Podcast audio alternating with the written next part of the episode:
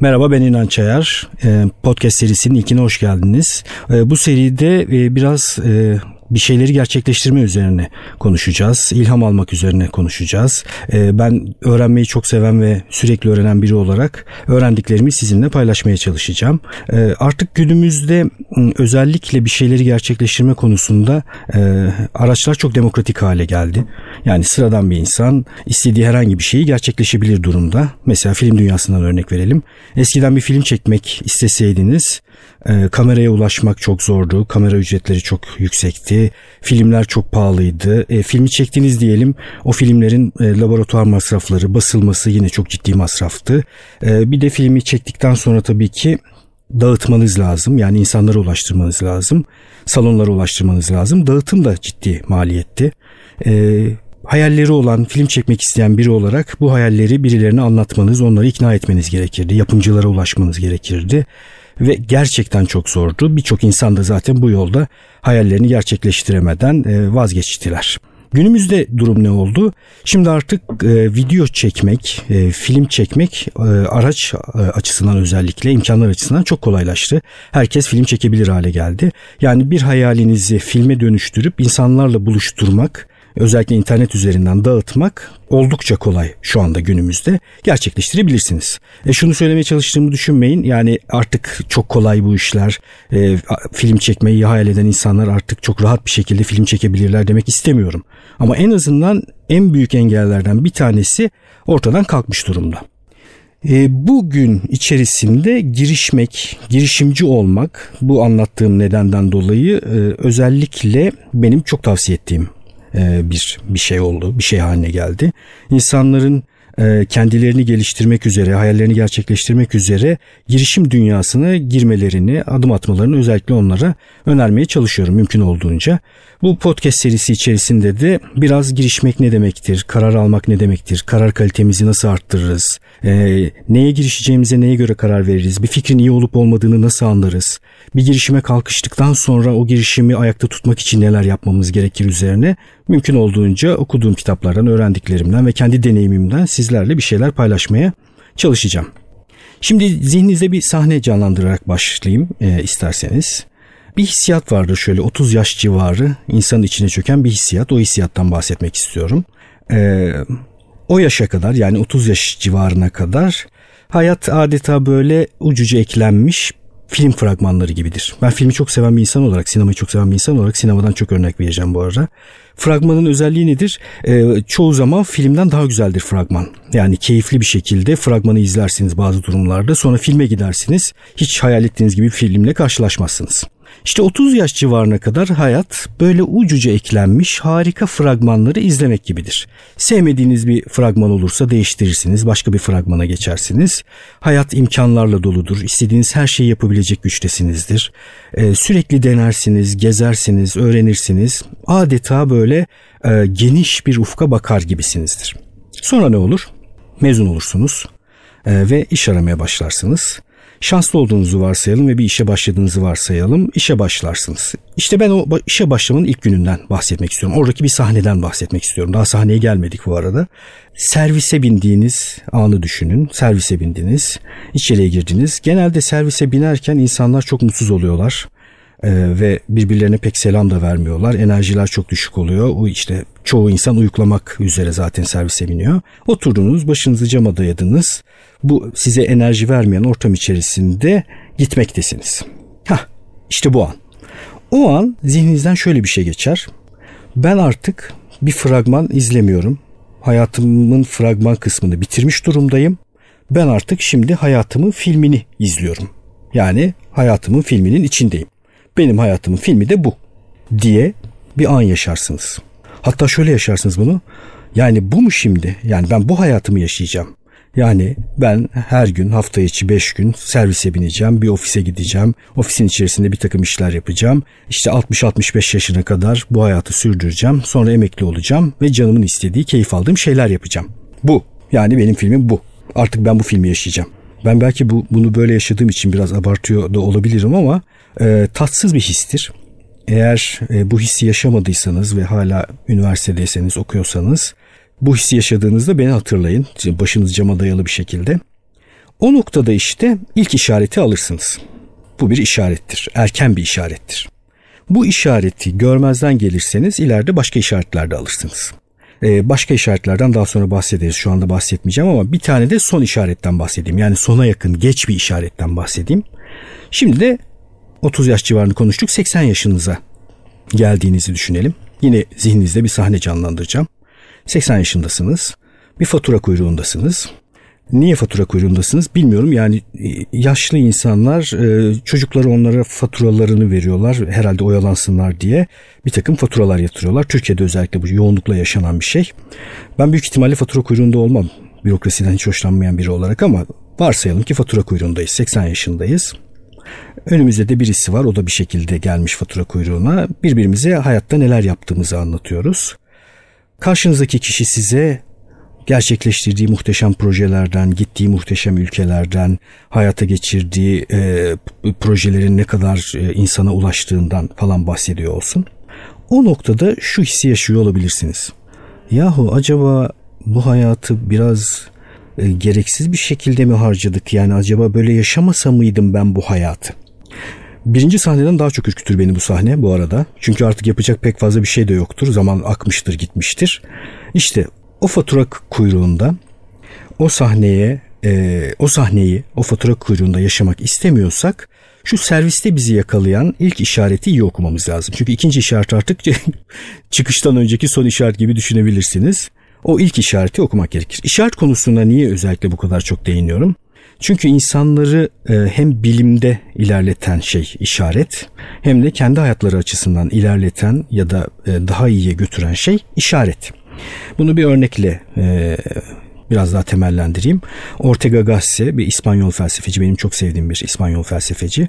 Bu arada e, podcast içerisinde bahsettiğim kaynaklar, linkler, e, bahsettiğim kişilerle ilgili bilgilere e, podcast sonunda söyleyeceğim adresten ulaşabileceksiniz.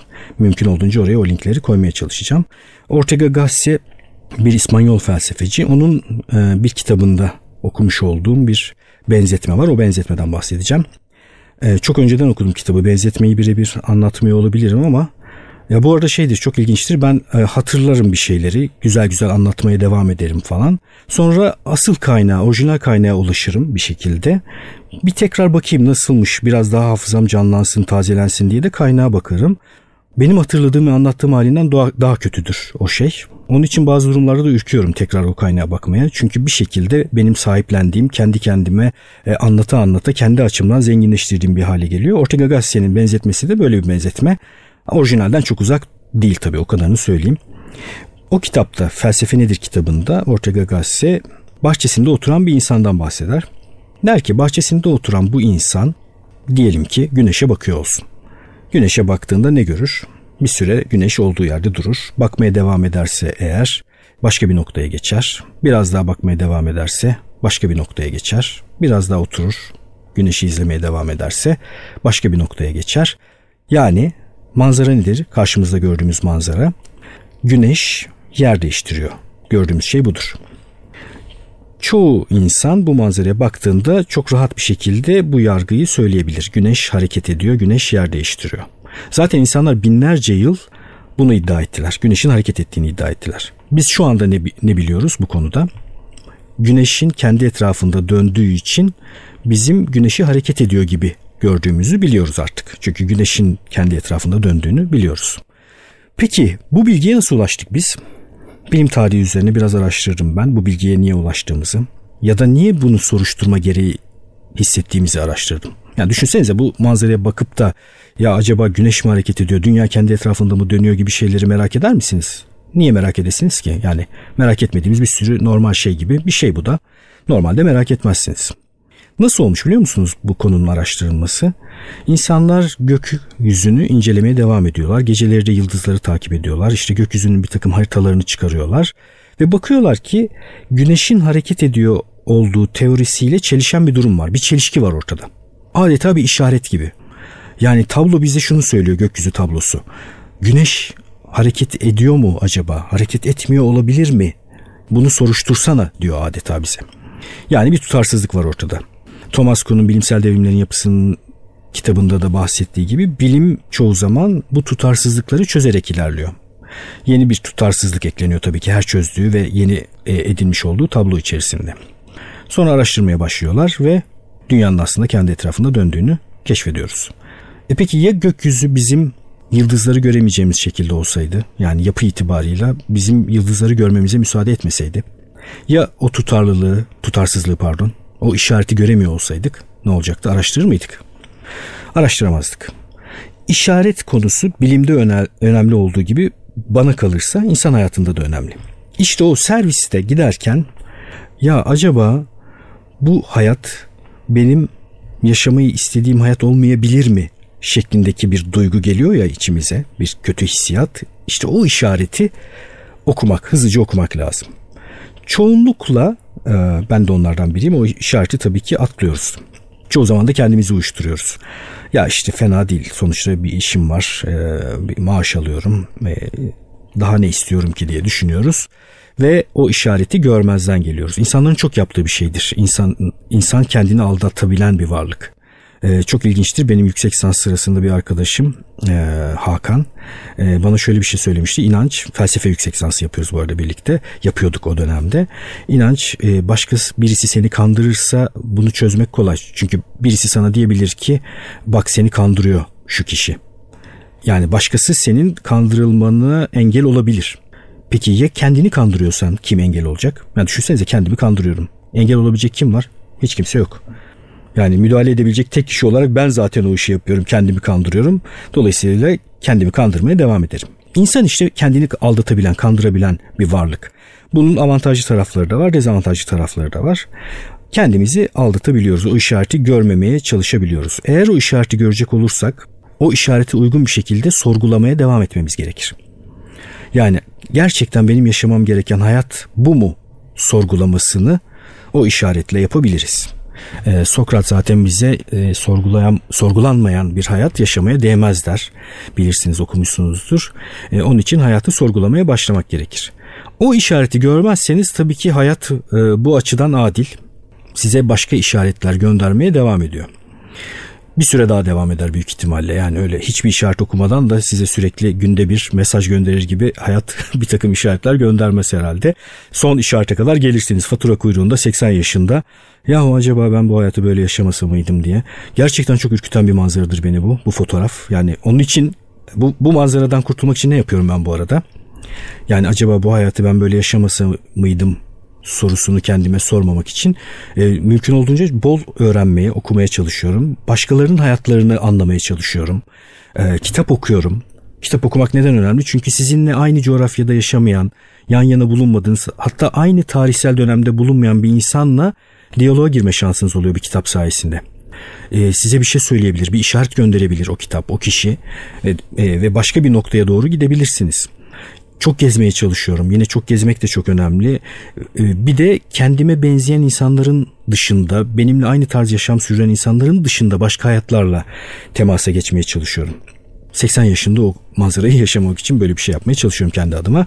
Bu podcast biraz sizin için, sizin adınıza bunu yapmaya da çalışacak. Yani yaşadığınız hayatla ilgili sorgulamaya devam etmeniz konusunda size ilham vermeye çalışacak bir podcast. Bu işareti aldık diyelim. E, gördük. Bir işaret var. Yani benim hayatımı aslında böyle yaşamamam gerekiyor şeklinde bir işareti aldım. Ne yapacağım? E, bu arada Adorno'nun çok güzel bir söz, sözü vardır. Onu da e, söylemeden geçmeyelim.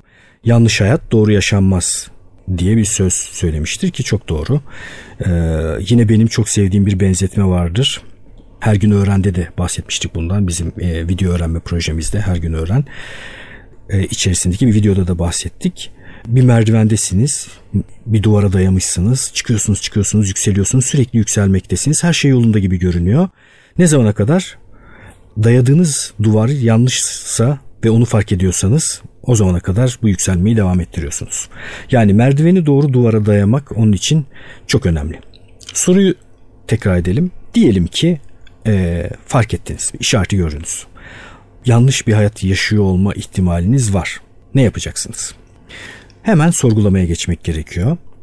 Ve e, başka ben neler yapabilirim diye de düşünmeye geçmek gerekiyor. Neler isteyebilirim diye düşünmek gerekiyor aslında. Ya da şu anda başka ne yapabilirim, ne yapıyor olabilirdim diye düşünmek gerekiyor. Ee, ve ne istediğinize karar verip ona göre bir strateji geliştirmelisiniz. Ancak şuna dikkat edelim. Ne istediğini bulmak ya da ne istediğini biliyor olmak iyi gibi görünmekle birlikte tehlikeli bir pozisyondur. Ben mesela çocuklara arada bir sorarım. Ee, bilim kampı çalışmaları yürüttüğüm dönemde de çocuklara sorardım ileride ne olmak istersin diye. Ee, bazı durumlarda çocuklar hemen yakın çevrelerinde gördükleri bir takım örnekleri verebiliyorlar. Şunu olmak istiyorum diye. Çünkü gördükleri rol modelleri o. Ee, düşünün işte New York'ta sokaktan bir lise çağında çocuğu çevirip ileride ne yapmak ne gerçekleştirmek istersin diye sorduğunuzu düşünün. Bunu İsveç'te yaptığınızı düşünün bir metropol içerisinde. İsveç'te bir metropol aklıma gelmedi bu arada. Neyse önemli değil. Ee, bir de işte e, bizim e, İç Anadolu'da bir köy okulunun çıkışında bunu yapın. E, farklı cevaplar alacaksınız. Yani o yaşta bir çocuk eğer seçeneklerinin farkında değilse ben şunu istiyorum dediği noktada bizim onun isteğini gerçekleştirmemiz belki de doğru olmayacaktır. Çünkü ne isteyebiliyor, ne iste, isteyebileceğini de bilmiyor olabilir o çocuk. Bu nedenle bu sorgulamayı yapmadan önce ilk bakılması gereken nokta bence kişinin kendisi. Yani kişi önce kendisinin neler isteyebileceğini biliyor mu? Bir buna bakması gerekir. Yani hayal kurmadan önce ben kendime hangi hayalleri kurma hakkını veriyorum kendisine bu soruyu sorması gerekir. Çok ilginçtir. Hayal sınırsız olarak düşünülür. Yani istediğim her hayali kurabilirim diye düşünülür. Ama e, benim yaşadığım deneyimler bana bunun tam tersini söylüyor. İnsanlar hayal kurmak konusunda kendilerine bir kere kısıt getiriyorlar. Bir e, liderlik eğitimi sırasında bir katılımcıyla yaşadığım bir e, küçük anekdotu anlatayım. Atölye çalışması sırasında, liderlik atölyesi çalışması sırasında bir katılımcıya şöyle bir şey sormuştum. Mesela sizin ileride bir özel üniversite kuramayacağınızı kim iddia edebilir? Diye sormuştum. Benim zihnimdeki kurguya göre kimse iddia edemez canım tabii ki kurabilirim diyecekti. Ben de ona göre bir kafamda konuşma planı vardı. Konuşmama devam edecektim. Ben iddia edebilirim dedi. Özel üniversite kuramam ben dedi. Çok şaşırdım. Bu arada bütün konuşmam dağılmıştı o noktada. Ondan sonra da öğrendiğim şeylerden birisi şu olmuştu. Soracağın sorunun cevabına göre bir yapı kurma. Bu öğrendiğim önemli derslerden bir tanesiydi. Çok şaşırdım ikinci defa tekrar sordum. İleride sizin bir özel üniversite kurmanız imkansız mı yani diye. O da vallahi ne yalan söyleyeyim bence imkansız dedi. Bakın istemiyorum demiyor. İstemiyorum diyen birine benim söyleyecek pek bir sözüm yok. İstek konusu ayrı bir konu. Ona başka bir zaman tekrar gireriz tabii ki de. E, istemeyen birine niye istemiyorsun demeyiz. İstemiyor olmak kendi başına bir izahtır benim adıma, benim açımdan. Ama imkansız dediğinizde o noktada bir duracaksınız. Hele ki felsefeyle uğraşmış birisiyle konuşuyorsanız o da ben oluyorum. Ee, biraz daha fazla üzerinde durmanız gerekir. Bir şeyin imkansız olduğunu iddia etmek gerçekten çok zordur. Yani neredeyse imkansız olarak iddia edebileceğiniz bir sürü şey e, biraz zorlarsanız kendinizi düşünürseniz imkanlı hale gelebilir. Üçüncü defa sordum ve altını çizerek sordum ve vurgulayarak sordum. Bakın dedim çok kısa bir süre içerisinde değil çok ileride bir şekilde sizin bir özel üniversite kurmanız mümkün değil mi dedim. Pres yaptığım için biraz düşündü. Düşündü. Gerildi de herhalde bir miktar. Ya ne yalan söyleyeyim dedi. Bence dedi mümkün değildir dedi. Ben inanmıyorum böyle bir şeye. Tamam dedim sakin olun. niye niye böyle düşündüğünüzü düşünmeye devam edin siz. Ya da bu soruya niye böyle cevap verdiğinizi düşünmeye devam edin. Ben devam ediyorum eğitime diye de eğitime de devam ettim. Eğitim bitti. Ayrılırken dağılıyoruz salondan. Yanıma geldi.